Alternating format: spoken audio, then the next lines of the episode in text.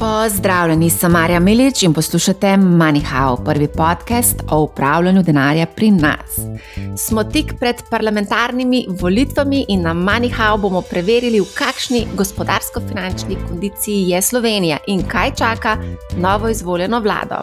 O tem se bom pogovarjala z dr. Davorinom Kračunom, predsednikom fiskalnega sveta in Bojanom Ivancem, glavnim ekonomistom na Gospodarski zbornici Slovenije. Lepo pozdravljena.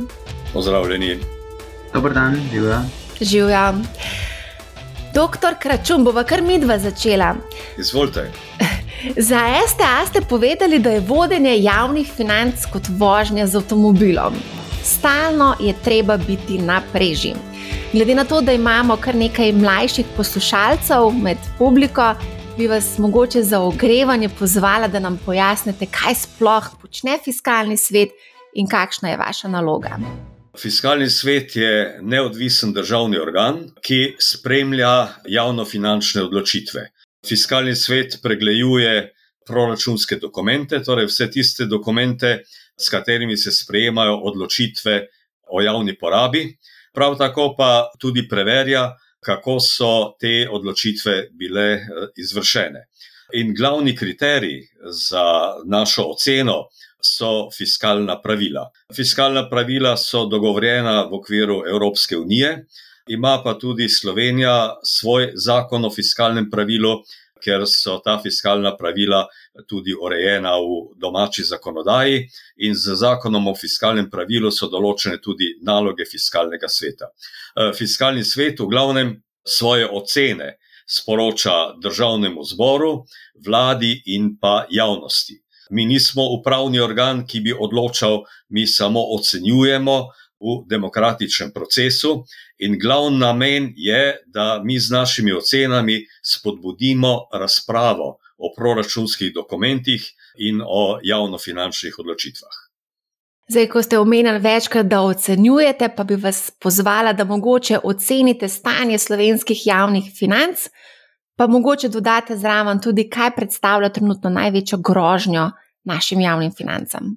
Zdaj, na, odvisno od tega, ali imamo eh, ali gledamo na javne finance kratkoročno, srednjeročno ali pa dolgoročno. Kratkoročno, torej glavni izzivi letošnjega leta, eh, s katerimi se bo treba spoprijeti jeseni ob sprejemanju, ob morebitnem rebalansu proračuna in ob sprejemanju proračunov za prihodnja leta. Glavni problem so vse obveznosti, ki jih je država z zakoni naložila javnim financam in ki v obstoječih proračunih niso zajeti. Imamo pravka z sorazmerno drugačnimi gibanji eh, javnih financ v realnosti, kot pa je predvideno v obstoječih proračunskih dokumentih. Pričakujemo, da bodo izdatki višji zaradi mnogih odločitev, ki so bile v zadnjih mesecih sprejete, res pa je, da so tudi prihodki nekoliko višji, kot so bili načrtovani s proračunom. V glavnem, treba bo spraviti realnost v sklad s proračunskimi načrti. Hkrati pa pričakujemo, eh, da bo potrebno se tudi odločiti glede mnogih vidikov porabe, glede mnogih eh, zadožitev, ki jih je država v zadnjih mesecih sprejela in ki jih verjetno ne bo mogoče z obstoječimi sredstvi realizirati. Kar se tiče srednjega roka, je glavni problem zadolženost. Trenutno, oziroma doslej, smo sicer lahko govorili, da se Slovenija z lahkoto zadolžuje, ker je obrestna mera nizka, eh, kupcev obveznic pa je ogromno in si med seboj konkurirajo. Eh, vendar poteka, eh, dogaja se že zaostrovanje monetarne politike, obrestne mere se dvigujejo in zaradi tega bo v prihodnjih letih prišlo do precej težjih pogojev za tekoče financiranje eh, obveznosti. Torej, to je srednjeročno, dolgoročno pa je seveda glavni problem eh, javnih financ, eh, so sistemi socialnega varstva, pri čemer je predvsem pokojninski sistem pretežno javnofinančni problem. Mi vemo, da živimo vedno dlje, in eh, da se razmerje med zaposlenimi in upokojenci eh, spreminja, zato je potrebno to razmerje z pokojninsko reformo stabilizirati, da bi, bi, bil, da bi lahko bil javni pokojninski sistem vzdržen. Poleg tega, eh, zdravstvo je soočeno z mnogimi problemi, tukaj bo treba ukrepati zelo hitro, med drugim pa je to tudi javno-finančni problem, kajti pretežen del zdravstva se financira iz, iz javnih sredstev. Potem je to tudi, recimo, problem uh, dolgotrajne oskrbe, kjer je vlada in državni zbor sta sprejela zakon, vendar brez javno-finančnega pokritja. To so torej stvari z dolgoročnim učinkom, ki pa jih bo verjetno treba nasloviti eh, tudi kmalo po volitvah oziroma po konstituiranju vlade. Všeč mi je, da govorite in izpostavljate probleme, ne pa izzive. Probleme je treba reševati, ne? tako da to je kot počeno cel večkrat rečem. Problem je treba rešiti. In tukaj se je nabralo kar nekaj problemov. O tem bomo seveda v nadaljevanju tudi več povedali. Bojan, zdaj pa predlagam, da mogoče predstaviš na gospodarski zbornici, ste objavili napovedi gospodarskih gibanj za obdobje 2022-2024 pa me zanima, v kakšni kondiciji je Slovenija. Ja, to je dobro vprašanje. Jaz mislim, da je vseeno prav, da nekako opišem izhodišča, ki sem si jih nekako zastavil, ko sem nekako osveževal svojo napoved eh, konec marca. Nekako, če to primerjam za svojo jesensko napovedjo, sem nekako znižal oceno rasti za približno pol odstotne točke. Eh, ne na zadnje, tudi Svetovni denarni sklad je nekako potrdil, da tudi On ocenjuje, da bo gospodarska rast v letošnjem letu nekje pri 3,7 odstotkih, tako da seveda sama vojna v Ukrajini predstavlja pomemben izziv. Pomemben izziv predstavlja tudi za javne finance v dosti večji meri, kot smo mislili v preteklosti. Nihče si verjetno ni pričakoval, da bodo v Sloveniji, pa tudi da bodo evropske druge države sprejemale ukrepe, ki nekako poskušajo zaeziti uh, negativen vpliv dviga cen energentov in surovin na kupno moč gospodinstv. Tako da ta okoliščina je bila tudi zelo pomembna, ko sem nekako oblikoval svojo oceno gospodarske rasti. Namreč približno 55 odstotkov našega bruto domačega proizvoda predstavlja zasebna potrošnja gospodinstv in seveda z višjimi cenami naftnih derivatov, tudi drugih energentov, ki jih pač pretežno uvažamo, torej govorimo o fosilnih gorivih. To seveda predstavlja zmanjšanje razpoložljivega dohodka, medtem ko pri električni energiji eh, je predvsem ta učinek, da se v bistvu del presežka gospodinstv in industrije potem nekako prenese na energetski sektor, tako da tista podjetja, ki imajo fiksne stroške proizvodnje električne energije zaradi višjih tržnih cen, poslujejo nekoliko bolje. Eh, in seveda to predstavlja praktično izziv tako za Slovenijo, kot za evropske države. Tako da na nivoju Evropske komisije se zdaj iščejo rešitve, kako bi dejansko iz formule za oblikovanje cen električne energije izločili zemljski plin, ki je torej ključni energent, ki v bistvu posledično vpliva tudi na dvig cen električne energije. Tako da to so izzivi, s katerimi se trenutno zdaj, vsaj kratkoročno, soočamo. In res lahko, vsaj trenutno lahko rečem, da je v bistvu fiskalno upravljanje na nivoju Evropske komisije naklonjeno reševanju teh izzivov, ker konec koncev vseeno govorimo o geopolitični krizi, o velikih izzivih na evropskem kontinentu, in z tega vidika, seveda, je bila sprejeta nekako politična odločitev, da se mora tudi fiskalna politika podrediti temu cilju, torej da nekako poskušamo ohraniti razpoložljiv dohodek gospodinstv da nekako ne zatremo to okrevanje, ki je bilo precej močno po COVID-u. Hkrati pa si moramo priznati, no, da en del inflacije seveda ne izvira zgolj iz vojne Ukrajine, izvira tudi v bistvu iz praktično močne gospodarske rasti v svetu. In dokler v bistvu bo ta gospodarska rast uh, visoka, oziroma bodo pričakovanja o njej relativno visoka, tudi menim, da bodo cene surovin ostale visoke. Tako da del v bistvu težav, izzivov, ki jih imamo danes, seveda predstavlja tudi sama gospodarska rast. Če pa nekako grem zopet na začetek vprašanja, tako da relativno optimistične izglede tukaj ohranjam, torej predvsem kot pomembno izhodišče izpostavljam fiskalno politiko, ki menim, da bo tej rasti naklonjena. Mogoče bi izpostavil še visoke prihranke gospodinstv, ki so nastale v zadnjih dveh letih, ki bodo nekako tudi deloma ublažile situacijo glede odločitev gospodinstv o nakupih. Tako da tudi, če recimo pogledamo uh, kazalnik zaupanja potrošnikov, ki je precej upadal v Sloveniji in Evropi, recimo v zadnjem mesecu, dveh, lahko vidimo, da recimo tista podkomponenta glede nakupa trajnih dobrin ali pa glede finančnega stanja v gospodinstvih. Te dve komponenti sta še vedno precej močni, so se pa nekako uh, potrošniki ustrašili, predvsem glede gospodarskih pričakovanj. In bodimo pošteni, fiskalna politika poskuša nasloviti predvsem strahove prihodnosti, in bi rekel, da je tukaj uh, relativno uspešna, oziroma prispeva k temu, no, da menim, da bo glavnina realne rasti v Sloveniji, pa tudi v Evropi, zaradi tega ohranjena. Doktor Kračun, zdaj smo slišali kar nekaj zanimivih izjav, pa me zanima, kako naslavljate strahove prebivalstva, na splošno tudi na splošno strahove. No, kadar govorimo o fiskalni politiki, je previdnost vedno na mestu. Tudi naš zakon o fiskalnem pravilu uveljavlja načelo previdnosti pri fiskalnih, eh, pri fiskalnih odločitvah. Gre predvsem za to, ne, kot je kolega Ivan rekel, da, da bo Evropska unija se trudi uveljavljati dokaj stimulativno fiskalno politiko. Ampak tu moram jaz povedati, da pa je nosi stimulativna fiskalna politika v sebi tudi tveganja. Namreč, kaj pomeni stimulativna fiskalna politika? Pomeni vzpostaviti okoliščine, v katerih je zadolževanje lažje.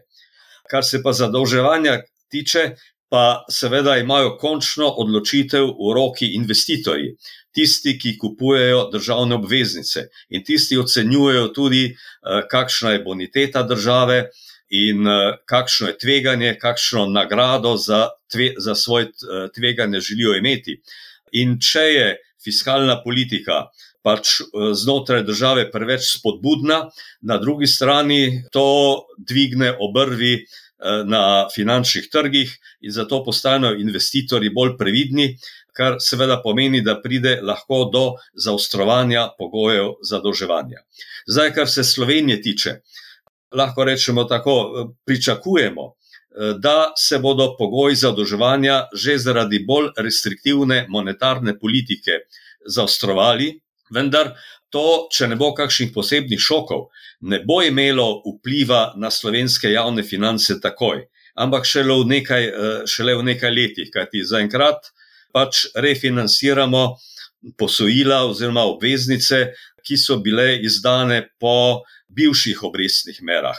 Eh, in v zadnjih petih letih so se, obrest, eh, se obrestna mera zniževala. In eh, tako bomo dvigovanje obrestne mere na javnofinančnih izdatkih čutili šele tam čez dve ali tri leta. Tako da imamo nekaj časa, lahko zadihamo, vendar treba je biti pri fiskalnih odločitvah zelo previdni. Se mi zdi, da sta oba dva kar precej optimistična, optimistično zreta v prihodnost, no kljub temu, da se bomo draže zadolževali čez nekaj let, da se napoveduje krčenje gospodarske aktivnosti. Um, ne vem, Bojan, ti si tudi rekel, da bo v bistvu gospodarsko rast poganjala zasebna potrošnja, med drugim tudi zasebna potrošnja, omenil si prihranke prebivalstva na drugi strani izpostavljaš, da je zaupanje potrošnikov nekako malce se uh, skrhalo, oziroma postali smo mo mogoče bolj previdni. Vsa ta kombinacija vseh teh podatkov se mi zdi pa, da vseeno mogoče svari. Pred potencijalno mogoče prihodom recesije, o recesiji se zadnje čase zelo veliko govori. Kakšen je vaš pogled na to?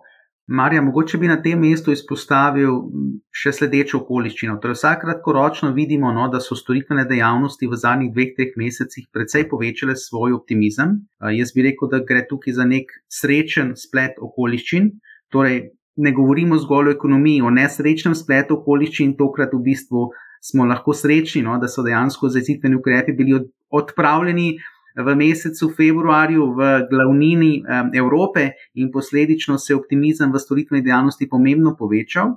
Ne bi pa rad eh, tudi, seveda, pozabil, oziroma eh, ne bi rad izpustil na to, no, eh, da bi upozoril tudi, da bo investicijski cikl precej pozitiven, visok, še posebej v Sloveniji, tudi v sosednji Italiji, ki je za nas pomembna gospodarska partnerica. Torej, govorimo o novi finančni perspektivi, o načrtu za okrevanje in odpornost, govorimo o številnih javnih projektih, občinskih projektih, pa tudi o projektih v zasebnem sektorju, ki jih nekako načrt za okrevanje odpornost dodatno financira oziroma spodbuja. In tukaj vseeno pričakujemo relativno pomemben pozitiven prispevek k BDP-ju, drugače investicije predstavlja približno petino bruto domačega proizvoda. In tukaj menimo, da bo ta realna rast investicij nekje v letošnjem letu pri 8 odstotkih, tudi naslednjem menimo, da bo nekje pri 5 odstotkih. Tako da glede tega smo precej prepričani, no, da ta del bruto domačega proizvoda, da bo pozitivno doprinesel k rasti, ne glede na to, koliko se zaočimo z novo, eh, z novo eh, izbruhom pandemije, je, je še vedno ta sektor investicij tisti, ki je v bistvu relativno odporen na morebitne vplive. Hkrati pa, ne glede na okoliščine, o katerih smo danes, ne smemo vseeno tudi pozabiti, da se morda lahko jeseni soočamo zopet z novim valom epidemije v Evropi ampak tudi v tem primeru menim, da bodo odgovori nekako precej podobni, kot so bili do sedaj. Torej, menim, da bo fiskalna politika še vedno ostala naklonjena temu, da ublaži v bistvu pace v sektorjih, ki so prizadeti. Dobro je tudi to, da so dejansko vlade precej dobro spoznale, kateri so tisti ukrepi, ki so jih podjetja dobro sprejela, oziroma zaradi katerih se je ohranilo zaupanje potrošnikov tako da z tega vidika ne bi čisto odpravil tega tveganja, da mogoče pandemija ne bo negativno vplivala na poslovanje v kakšnih od mesecih v jeseni. Vseeno pa bi rekel, no, da vsaj trenutno zgleda, no, da je to geopolitično tveganje tisto ključno, kjer imamo tudi mi, makroekonomisti, težave. Rad bi recimo povedal, kje jaz vidim izzive pri svojemu, v svojih ocenah torej, določeni sekundarni učinki lahko nastanejo zaradi številnih sankcij, s katerimi se sooča tako Evropa, oziroma številne zahodne države, vizavi Rusije, in tukaj seveda lahko pride do določenih nenavadnih ukrepov. Ki lahko pomenijo nedobavljivost določenih materijalov ali pa energentov, in lahko to prinaša neke izzive, ki jih danes še mogoče težko ocenimo. Ne. Tako da jaz zelo veliko svoje pozornosti namenjam preučevanju uh, teh možnosti, torej tukaj se gre malo tudi za teorije igr, kdo v bistvu ima neko pogojalsko moč, kupec ali prodajalec. Kot sami, sami veste, vkolikor ima prodajalec nek monopol, je velika verjetnost, da ga bo lahko v določenem času tudi izkoristil. Tako da tukaj so izzivi, no, s katerimi se Evropa sooča in Slovenija je del Evrope, ampak menim, kot rečeno, skupaj smo v tej vojni, Evropa združena in tukaj res menim, da bomo skupaj naslavljali te izzive in da menim, da bomo tukaj uspešni. Doktor Kračun, zdaj te številne inštitucije, ko dajo svoje napovedi, te napovedi potem tudi v prihodnosti enkrat pač popravijo, se vidimo, da zdaj popravljajo vse inštitucije po vrsti svoje napovedi, znižujejo.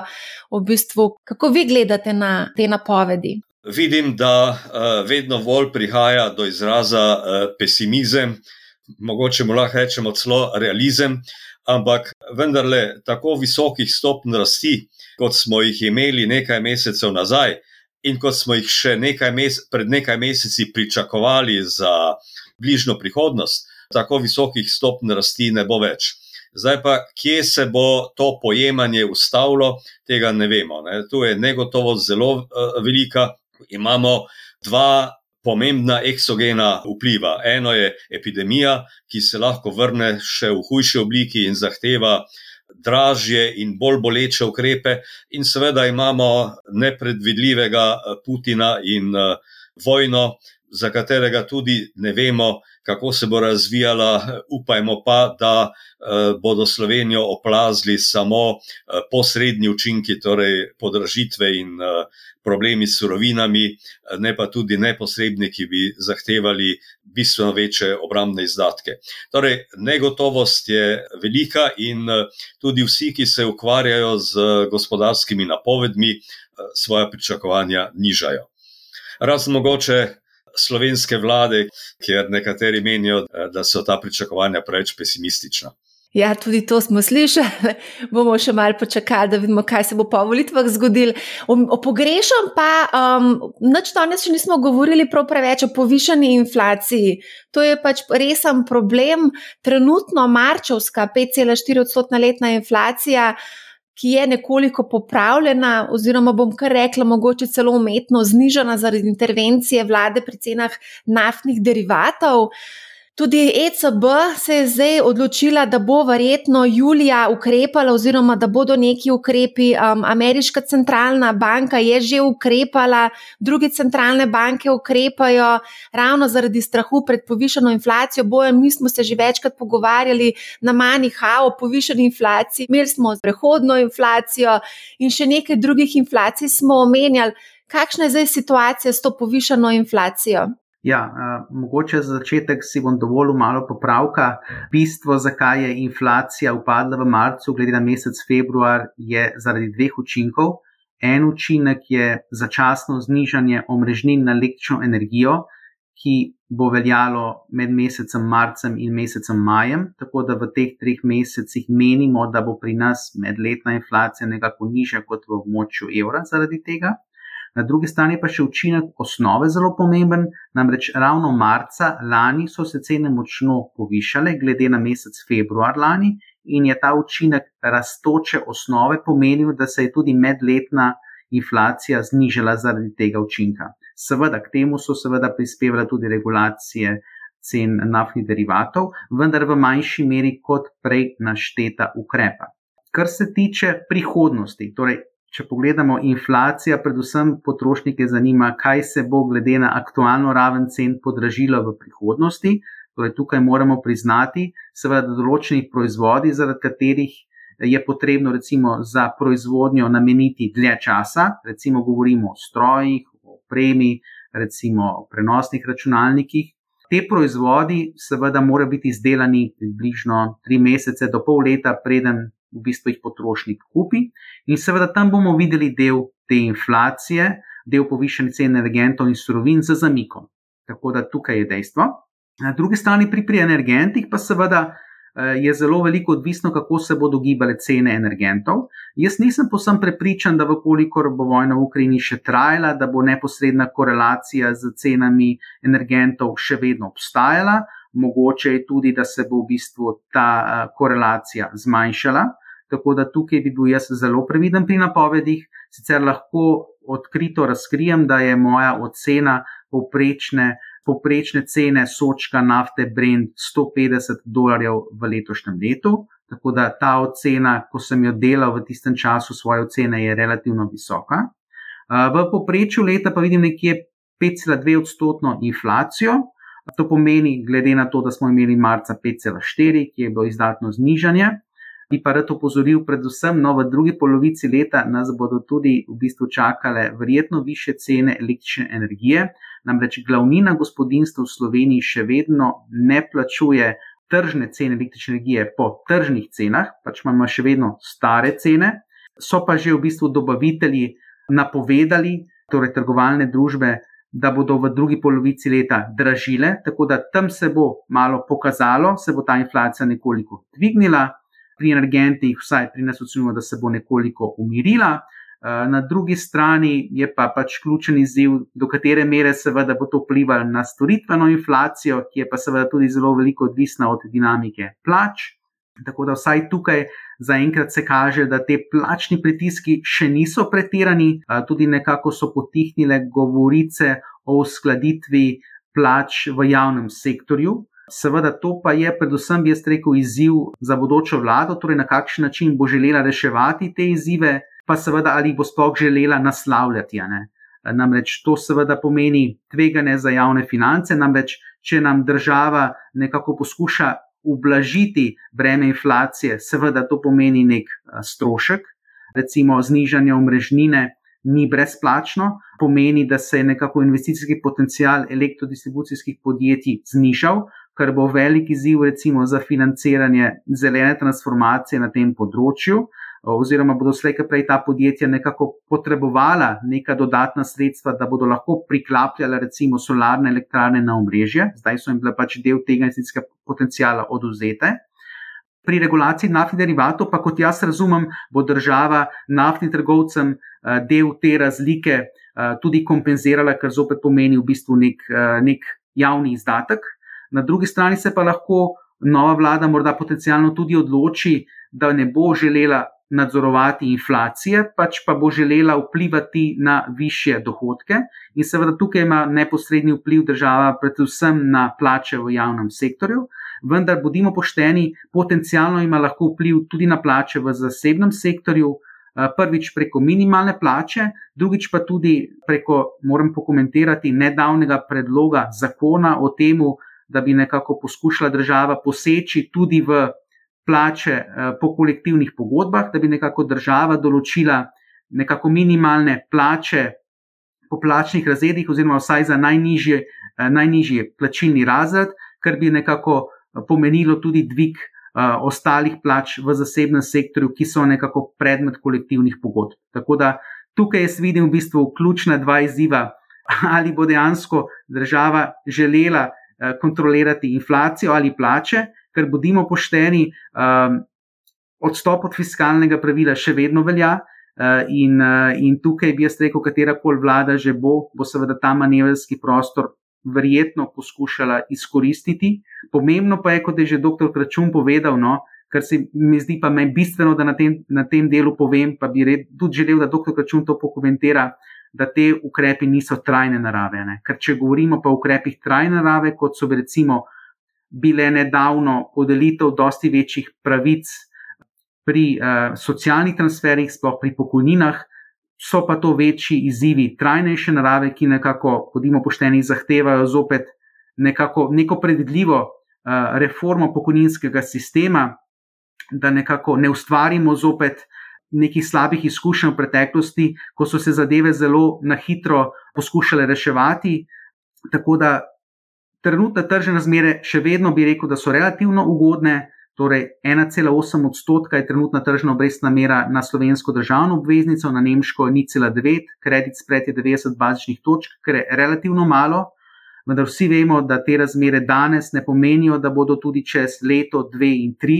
In seveda tukaj moramo se vsi prizadevati, no, in tudi mi, kot gospodarska zmožnica Slovenije, odigrati neko odgovorno vlogo in pokazati, verjetno tudi državi, do katere mere seveda lahko še podpiramo neko državno intervencijo na tem področju, do katere mere pa seveda moramo tudi prepustiti tržnim silam, da upravijo svoje. Doktor Karčun, kar nekaj zanimivih istočnic ja, ja. je bojem nama dal. No, ampak uh, glede inflacije. Bi mogoče uh, omenil ne, hudo dilemo monetarne politike. Namreč po učbeniku je eh, inflacija zahteva restriktivno monetarno politiko. V zadnjih letih, skoraj da v desetletju, je monetarna politika ne samo v Evropi, ampak tudi v drugih državah bila izjemno ekspanzivna. Torej, imeli smo uh, ničelne ali pa celo negativne obrestne mere, in uh, imeli smo velike odkupe državnih obveznic strani uh, centralnih bank. Vse to je seveda povzročilo, da je količina denarja v obtoku enormno narasla. In zdaj, seveda, z inflacijo je potreben, je potreben obraten postopek, torej zviševanje obrestnih mer, zmanjševanje odkupov državnih obveznic. Vendar je tukaj problem v tem, da smo mi se komaj rešili šoka v zvezi z epidemijo, smo prišli v nov šok v zvezi z globalnimi političnimi tveganji. In zaradi tega ima lahko zaostritev monetarne politike neugodne posledice na zaposlenost, na gospodarsko rast, oziroma lahko sproži recesijo oziroma stagflacijo. Zato je tu potrebna previdnost, in vidimo, da centralne banke v svetu pravzaprav še niso našle tega pravega recepta, te prave mere, z kakšnim tempom zaostrovati monetarno politiko. Tukaj vidimo, da je pravzaprav Evropa najbolj previdna, eh, najbolj počasna, med drugim tudi zaradi tega, ker je stanje zadolženosti v evropskih eh, državah različno. Poleg tega, glede na to, da imamo v Evropi eno monetarno politiko, pa preko 20 uh, fiskalnih politik, je seveda koordinacija med monetarno in fiskalno politiko precej, precej zahtevnejša. Seveda poteka preko fiskalnih pravil, ki so pa bila v času epidemije olajšana. Tako da tukaj moramo priznati, da je Evropska centralna banka v zelo težki poziciji in da mora najti eh, pravo mero zaostrovanja, eh, zaostrovanja monetarne politike. Sicer pa, ko govorimo o stagflaciji, spomnimo se lahko praktično 50 let nazaj, ko je bila situacija podobna, ko je pravzaprav termin stagflacija prišel v, eh, v ekonomsko politiko in teorijo, in ko je stagflacijo povzročala blokada na ponudbeni strani, izvirno najprej pri nafti zaradi političnih razlogov, ki pa se je potem prenesla na cene, na hitro rast eh, cen surovin. Sedaj imamo podobno situacijo, vendar recepti iz tistih časov ne bi rekel, da so lahko uporabni, in tudi takrat se je pokazala eh, precejšna nemoč. Eh, skoraj da desetletje je trajalo, da je razviti svet se ponovno stabiliziral in se izvil iz, uh, iz stagflacije, cena pa je bila precej visoka, predvsem pa za periferijo, kjer se je pojavila dolžniška kriza. Torej, uh, čakajo nas zahtevni problemi, zato ko je kolegica prej rekla, da smo optimisti, nismo globalno vzeto, ni posebnega razloga za optimizem, ampak vendarle ta strah nas ne sme blokirati, ampak enostavno potrebno iskati rešitve, se prilagajati. In tudi mislim, da je zelo pomembno, da Slovenija ravna v sozvočju z Evropsko unijo in da evropski mehanizmi vendarle dajo tudi Sloveniji velik manevrski prostor za soočanje s problemi in izzivi. Mogoče še komentar glede pritiska na višanje plač v javnem sektorju. Kar se tiče plač v zasebnem sektorju, v določenih segmentih je to res čutiti, zdaj ne vseh, ampak v določenih. Kako pa na to gledate? Kar se tiče zasebnega sektorja, imamo uh, zdaj opravka pravzaprav z uh, skoraj polno zaposlenostjo in eh, z konkurenco delodajalcev, kar seveda pomeni, da bodo delodajalci pristajali na više plače in to je možno pričakovati. Seveda, z fiskalnega vidika to ni nujno slabo, kajti više plače pomenijo eh, više prispevke, višjo dohodnino in zaradi tega v določeni primer lahko pozitivno vplivajo više plače privatnem sektorju na javne finance. Drug problem pa so seveda plače v javnem sektorju.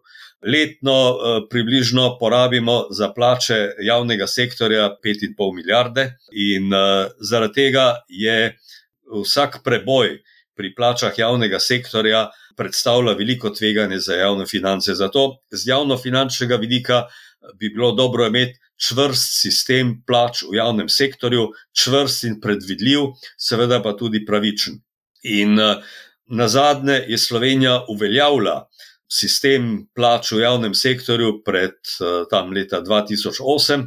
Od takrat naprej pa je ta sistem počasi razpadal, in v zadnjih dveh letih je to razpadanje sistema plač v javnem sektorju bilo pospešeno.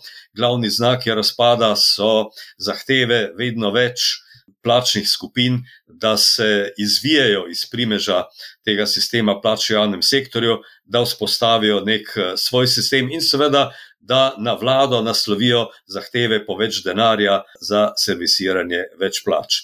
Tu je problem in tu pričakujemo, da bo vlada takoj po volitvah eh, tudi pristopila k stabilizaciji sistema plač v javnem sektorju, oziroma eventualno v nekem razumnem času tudi postavila nov sistem ali korigirala obstoječega, tako da bo eh, stabilen eh, nekaj nadaljnih let.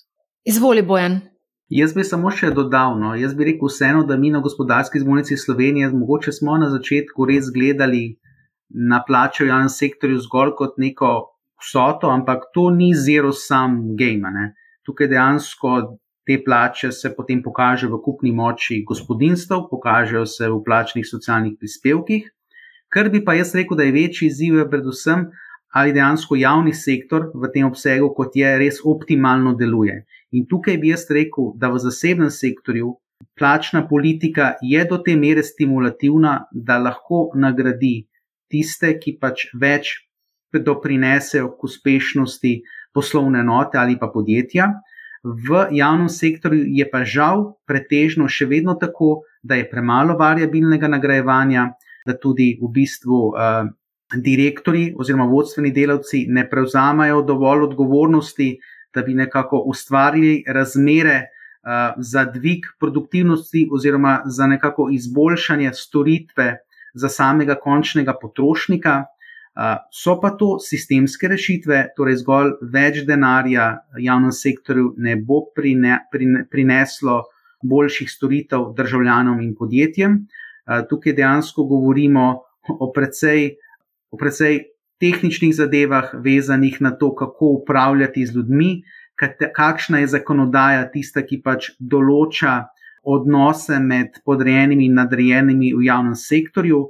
To je odvisno tudi od sindikatov javnega sektorja, kako, so, kako oni nekako dojemajo uh, plačno politiko kot nek mehanizem nagrajevanja, stimuliranja. In tukaj bi jaz rekel, da je neko kislo jabolko, ki bi želel, da bi ga bodoča vlada zagrizla, Eh, in da bi nekako lahko tudi sindikati javnega sektorja odigrali mogoče malo bolj proaktivno vlogo in poskušali najti neke rešitve, ki bi prinesli nekako do konca, na koncu koncev tudi do izboljšanja učinkovitosti eh, samih storitev za državljane in gospodarstvo. Tako da tukaj bi jaz res rekel, no, da je to ključno. Če sem pa iskren, pa same debate o anomalijah, pa o razlikah, v bistvu že dlje časa trajajo, In uh, mislim, da ni prav, da naslavljamo ta očitek, brez da nimamo v mislih predvsem tega učinka, kaj želimo s tem doseči. In to seveda je izboljšanje učinkovitosti dela, kajti varnost zaposlitve z vsem spoštovanjem je dosti večja, kot je v zasebnem sektorju. Tu se lahko vsi z mano strinjate. Tudi običajno je ročnost eh, posameznikov karijere v javnem sektorju precej daljša, kot je v zasebnem, uh, in ta varnost kot veste, vseeno prinaša dosti večje zaslužke, kar je pa seveda, bodimo pošteni, povezano tudi z višjo zahtevano izobrazbo za delovna mesta v javnem sektorju. Težava oziroma izziv so pa predvsem ugrajeni avtomatizmi, vezani na izobrazbo, ko recimo posamezniki v javnem sektorju želijo pridobiti več izobrazbe, pa mogoče ni ravno potrebe na določenem delovnem mestu, vendar jim to nekako prinaša višji dohodek, tukaj pa verjetno kot davkoplačevalci, verjetno si želimo nekih sprememb. In tukaj so tista kisla jabolka, ki bi jih želel, da bi jih kdo ugriznil. To si želimo že dalj časa, o tem se zelo veliko govori, žal doslej bolj malo naredilo. Doktor Kračun, vaše mnenje mogoče glede tega, kako optimizirati, kako narediti učinkoviti javni sektor? Ob dejstvu, da davkoplačevalci eh, prispevamo 5,5 milijarde letno za plače javnega sektorja, bi seveda je treba vzpostaviti sistem, da je ta javni sektor dovolj učinkovit. In pa seveda eh, sistem mora biti eh, pravičen, pregleden in na koncu, na koncu tudi stabilen. Tako da to je v osnovi je plačni sistem javnega sektora sicer javno-finančni problem, ampak kako hitro pa ne razpravljamo samo o vsoti, ampak o vseh odnosih, ki so s tem povezani, pa je seveda to predvsem širši strokovni izziv, lahko bi rekel, interdisciplinarni. Ja, sliši se zelo enostaven recept, ne, ampak očitno ga še do zdaj noben ni uspel nekako. Ni, ni, ni enostavnega recepta. Ni, ni, ne. Bi pa še eno zadevo vas rada vprašala, ker je v bistvu bojen precej izpostavil in sicer energente. Vse više cene energentov bi lahko okrepilo pritisk tudi na javne finance. Zagotovo se končno tudi osebe javnega sektorja trošijo energijo in zaradi tega se jim bodo stroški povečali. Ob tem pa bi še omenil nekaj. Ne? Verjetno se ne moremo izogniti temu, da država kdaj pa kdaj tudi omili pritisk cen energentov in prevzame del teh stroškov na sebe, ali v okviru kakšnih subvencij, ali v okviru, v okviru zamrznitev. Vendar takšni ukrepi so lahko samo začasni.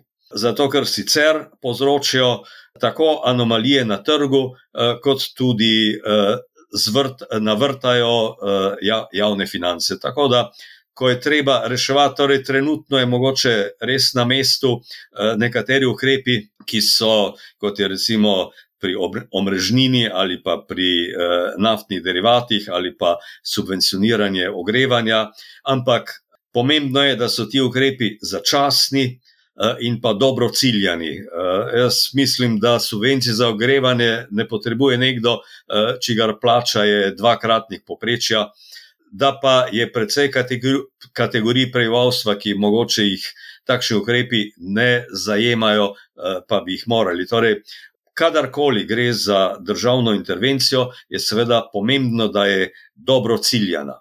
In seveda začasna, da ne pride do deformacije trga. Ja, tukaj je bilo kar nekaj eh, debat o tem, kako v bistvu razdeliti ta denar, oziroma kako v bistvu subvencionirati te energente oziroma ogrevanje. Um, rada bi vas še to vprašala. Novi dohodninski zakon ne, prinaša više neto plače in pa nižje obdačite kapitala. Kako pa na to gledate? No, tu verjetno kolega Ivan sta to pozdravila. Jaz bi pa imel določene zadržke. Sicer dobro je, da vkolikor je eh, javno-finančna situacija ugodna, da prije tudi do ukrepov, ki znižujejo ceno dela. Vendar, ko govorimo o tem konkretnem paketu, ki je bil končno tudi uzakonjen, je seveda tukaj prisotnih kar nekaj, eh, nekaj pomislekov. Torej, tudi vladni izračun je bil, da bo takrat, ko bodo vse te olešave prišle v polni meri do veljave, bo to pomenilo eh, primankljaj okrog 800 milijonov jav, javnofinančnih prihodkov in seveda kakšnih prepričljivih izračunov, kako bo ta primankljaj pokrit. Kakšnih prepričljivih izračunov ni bilo, prav tako pa niso bili predvideni nobeni kompenzacijski ukrepi, s katerimi bi lahko ta problem reševali, če zadeve ne bodo tekle tako, kot je treba, in če bo primankljaj, javnofinančni primankljaj, večji, kot pa si ga lahko privoščimo. Eh, fiskalni svet je na predlog eh, Komisije za nadzor javnih financ opravil širše tudi dinamične analize, in eh, je predvsem smo želeli ugotoviti, ali lahko morebitna višja stopnja gospodarske rasti, ki bi izhajala iz znižanja davkov, ali lahko pokrije primankljaj, ki nastane pri javnofinančnih prihodkih. No, in ugotovili smo tako, torej pri takšnih dinamičnih analizah je seveda delamo z modeli. Ker je pač rezultat dosti krat odvisen od predpostavk, skušamo se pač z predpostavkami eh, čim bolj približati realnosti, hkrati pa vemo, da je treba upoštevati različne variante, in ugotovitev je bila takšna. Z kar nekaj modelov, je pokazalo možnost, da bo prišlo do določenega pospeška gospodarske rasti. Vsi modeli pa so pokazali, da bo prišlo do primankljaja pri javnofinančnih prihodkih, oziroma da bo javnofinančni primankljaj večji, kot bi bil brez teh olajšav pri dohodnini. In eh, tudi teza, da bi bistveno višja gospodarska rast lahko ta primankljaj pokrila, tudi ta izračun smo opravili, in uh, zdaj, seveda, če je bila za naslednjih deset let gospodarska rast takšna, kot je bila v letu 2021, potem ne bi bilo težav. Ampak, če bi se pa poprečna gospodarska rast v naslednjih desetih letih spustila pod 6%, potem pa je taš, takšna kompenzacija manj verjetna. In kot, kot vidimo, so korekcije gospodarske rasti za prihodna leta. Torej, da ne govorim o, o tisti eh, napovedi, ki je zaenkrat še tajna, ampak zelo interna. Ampak, če vzamem uh, napoved, ki jo je napravila gospodarska zbornica, vidimo, da je tukaj, da moramo računati kvečemo na dobre 4% v uh, letos in na dobre 3% prihodnje leto. Tako da ta pogoj kompenzacije za gospodarsko rastjo pač, pač ne bo izpolnjen ob tem, da seveda ne vemo o vseh negativnih tveganjih, ki smo jih govorili, ali bodo te stopne gospodarske rasti uh, v resnici realizirane. Bojan, kar izvoli. Um, ja, jaz sem hvaležen, doktor Kračun, uh, da ste si mogoče malo več časa vzeli, da, to, da ste to pokomentirali.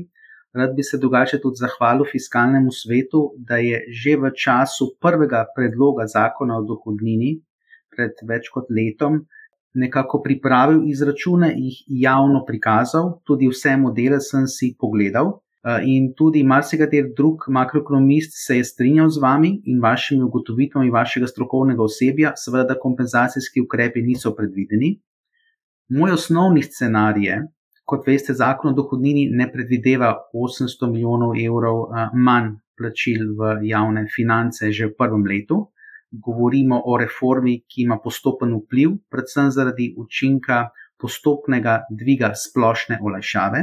In moje osnovno stališče je, vkolikor bi se gospodarske razmere bistveno poslabšale, recimo v letu ali dveh, menim, da bo tista vlada, ki bo vladala v tistem času, verjetno se odločila, da bo zamrznila ta del reforme, torej konkretno ne bo pristala na višanje dviga splošne vlašave, ne glede na aktualno sprejet zakon. Če pogledamo malo v preteklost, tako je bilo tudi z zakonom o dohodku, davko dohodka pravnih oseb, ko se je enako predvidelo, da bo v bistvu statutarna davčna stopnja se nižala, pa je potem v bistvu finančna kriza, oziroma evrska kriza, to preprečila, se je nekako vlada kasneje to odločila, da bo zopet nekoliko povečevala statutarno davčno stopnjo in kasneje potem tudi efektivno z omejevanjem davčnih olajšav. Tako da ne bi rad relativiziral te reforme, kot pravi dr. Kračun, temelji v bistvu ta reforma na relativno optimističnih predpostavkah, vendar osebno, če bi pač jaz odločal, bi verjetno že v zakon o dohodnini unesel nek člen, ki bi nekako olajšal uh, odločitve prihodnji vladi. Torej, dejansko jaz bi predlagal, vkolikor bi se recimo strukturni primankljaj povečal na določenim deležem ali pa javni dolg, da bi presegal 80 odstotkov, da se v tistem primeru ustavi. V bistvu uh, ustavi reforma, oziroma da se splošna lašava ne dvigne v tistem zadevnem letu. Tako da tukaj bi bili neki odložni pogoji smiselni, ampak pač eh, Ministrstvo za finance se za to ni odločilo, to odločitev spoštujemo. Hkrati pa jaz menim, da kot rečeno obstaja ta scenarij, da bi se lahko prihodnja vlada za to odločila, torej da prekine izvajanje tega zakona. Če pa vseeno se pogovarjamo o kompenzacijskih ukrepih, pa menim, no, da bi verjetno bili te, predvsem na področju eh, obdavčitve nepremičnin, kar je pa zopet relativno občutljiva tema, sploh za slovence, ki smo pač kar veliki pristaši vlaganj v nepremičnin. Uh, ampak bi rekel, vkolikor bo tudi na ravni EU nekako dozorelo spoznanje, da je to neka rešitev, se bodo iskali te davčni veri. Ne smemo pa mogoče pozabiti tudi na nove zelene davčne vere, o katerih se danes ne pogovarjamo. Vkolikor bi s časoma prišlo do padca cen fosilnih goriv, tukaj govorim v srednjem roku 3 do 5 let, menim, da bo, da bo Evropska komisija članom, državam članicam EU jasno pokazala, naj dvignejo neko minimalno obdavčitev fosilnih goriv, tudi z namenom financiranja zelene transformacije, in menim, da bodo tudi to morda neki davčni veri, na katerih mogoče fiskalni svet danes. Uh, še nekako ne predvideva, da bodo nastali, bodo pa nekako vplivali tudi na to, da bo naše gospodarstvo v še v večji meri nekako poskušalo slediti zeleni transformaciji. Kar nekaj idej, doktor Kračun, vam je dal bojan, kako povečati davčne prilive oziroma vire.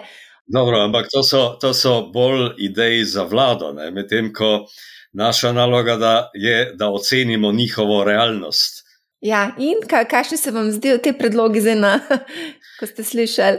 No, uh, tako je. Ne, zelo pomembno je tudi, da takšne predloge lahko ocenimo uh, ob konkretnih številkah in ob uh, nekih scenarijih razvoja. Uh, drugače, mislim, da je to zelo smiselno, kar je kolega Ivan spovedal. Ja, gremo samo za konec se dotakniti, če mogoče katerih reform bi se morala nova vlada prioritetno lotiti. Govora je bilo že na začetku o pokojninski reformi, pa potem tudi zdravstvena reforma, katere naloge bi se mogli lotiti prioritetno. No, kot uh, smo že omenili, uh, zdravstvena in pokojninska reforma uh, sta najbrž na vrhu prioritet, prav tako pa utrditev uh, sistema plač v javnem sektorju. To so te reforme, pri čemer je seveda dobro, da gledamo na pokojninsko in zdravstveno reformo kot celoto sistema socialne podpore oziroma socialnega skrbstva in temu lahko prištejemo tudi eh, dolgotrajno oskrbo. In uh, to so stvari, ki se pravzaprav že nekaj časa vlečejo. Tako recimo uh, koncept pokojninske reforme, nove je bil postavljen že z Belo knjigo leta 2016, takrat, ko so začeli pojemati učinki pokojninske reforme iz leta uh, 2012. Zdaj, seveda, smo že s tem konceptom nekol, nekoliko v zamudi, in to je, seveda, zadeva, ki se je, to so stvari, ki se jih je treba lotiti v prvem letu mandata uh, in utrditi in sprejeti v, v druge, drugem letu mandata. To je, kar se tiče reform, bo pa potrebno, kar se tiče tekoče fiskalne politike, seveda stabilizirati uh, javno, stabilizirati javno porabo in se spoprijeti eh, tudi z, z naraščajočimi eh, javnofinančnimi primankljaji. Recimo, eh, zanimiv podatek je to, da Slovenija, kar se tiče javnega dolga, pa tudi kar se tiče primankljaja, je nekako okrog poprečja Evropske unije, oziroma mogoče celo malo boljše. Ampak, kar se pa tiče Eh, dinamike naraščanja primankljaja, pa je Slovenija med bolj problematičnimi državami. In prav tako, eh, kar se tiče strukturnega salda, torej strukturnega primankljaja, kjer je nominalni primankljaj tudi preračunamo na osnovi stanja v gospodarskem ciklusu, tam pa vidimo, da je Slovenija med uh, slabšimi v Evropski uniji. Se končno ilustracija tega v letu 2000. 2021 smo imeli 8-odstotno stopno gospodarske rasti, torej eh, zelo visoko dinamiko, hkrati smo si pa pridelali 5% nominalnega primankljaja, kar seveda eh, pomeni, da je strukturni primankljaj eh, boljše, da ne govorimo o številki. Bojan, še kakšna ideja za, za konec, mogoče? Jaz bi vseeno povedal, no, da pomemben podatek, oziroma vsaj za mene, ključen, najbolj relevanten je tudi, kakšno je nekako razmerje nominalnega dolga v bruto domačem proizvodu. Sama inflacija ni samo negativna zadeva, povečuje tudi razliko med realnim in nominalnim bruto domačim proizvodom, in javni dolg je uh, denominiran uh, z pretežno v evrih in z fiksno obrestno mero, In to preprosto pomeni, da za višjim nominalnim bruto domačim, bruto domačim proizvodom, ob istim realnim BDP-jem, se dejansko tudi uh, delež, uh, delež nominalnega dolga v nominalnem BDP-ju znižuje. Tako da tukaj je tudi to pomembno vedeti, tako da ta delež se je precej znižal tudi v lanskem letu. Bi pa vseeno rekel, glede prioritetnih reform nove vlade, jaz dejansko ne bi želel, no, da, se, da se mogoče pogovarjamo zgolj o teh reformah ki jih seveda tudi mi podpiramo. Ključne so tudi nekatere razvojne zadeve, torej mi smo pripravili horizonte prihodnosti. To je res strateški dokument, ki smo ga na gospodarski zbornici Slovenije pripravili dobra pol leta in nekako kaže poti do razvojnega preboja Slovenije. Tako da smo opredelili štiri ključna področja, dovolite, samo da jih omenim, kjer so nujne spremembe. Prvo je področje zelenega prehoda in digitalizacija, sledi povezljivost, reindustrializacija in pa seveda tudi vloga države in finančnega sistema.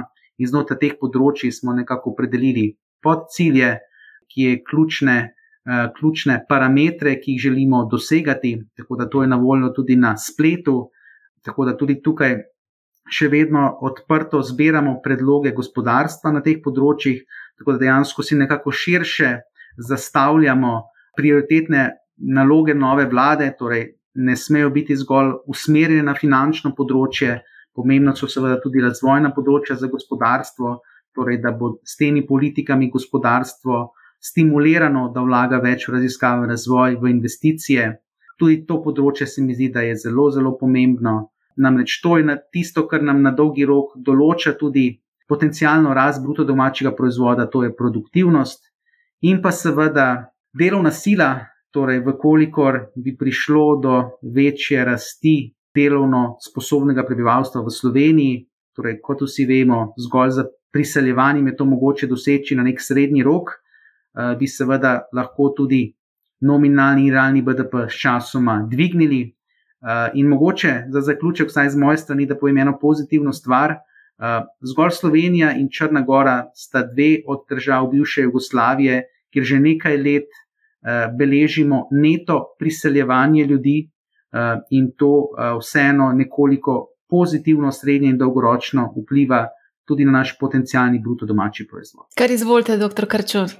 Ja, ja, ja. No, ampak kakorkoli, eh, kakorkoli so načrti in želje, ne smemo pa pozabiti na zdržnost javnih financ. Eh, to je tako kot v pravljici. Imaš tri želje, Eh, in če pri tretji zgrešiš, potem seveda tudi s prvima dvema ni nič. Ne? In če imamo ne vem, kakšne želje in načrte, pa če prije zdrsa, glede vzdržnosti javnih financ, potem se seveda vse, kar smo poskušali napraviti, eh, izniči. Tako da ob vsem optimizmu in ob vseh dobrih željah je seveda uh, tista stvar, ki sicer ni rezultat želje, ampak je pogoj za to, da lahko karkoli naredimo, pa je vzdržnost javnih financ. Ja, jaz tudi mislim, da je potrebno se lotiti tega kislega jabolka, pokojninska reforma, zdravstvena reforma, nepremičninski davek, to niso priljubljene poteze nobene vlade. In tako kot ste rekel, doktor Kračun, takoj je treba zagrabiti za te probleme, jih čim prej rešiti, postaviti nove, nove pogoje, nove temelje, zato da lahko gradimo in tudi, seveda, delamo razne druge reforme na drugih področjih. Mislim, da smo kar obdelali veliko veliko tematik, um, zajeli različne teme, tako da iskrena hvala za super debato. Prosim. Dragi poslušalci in gledalci, veseli bomo, če boste Manihao delili naprej med prijatelje, znance, sorodnike in učitelje, ravnatelje, kogarkoli, komorkoli. Poslušajte Manihao, ne bo vam žal in lep pozdrav.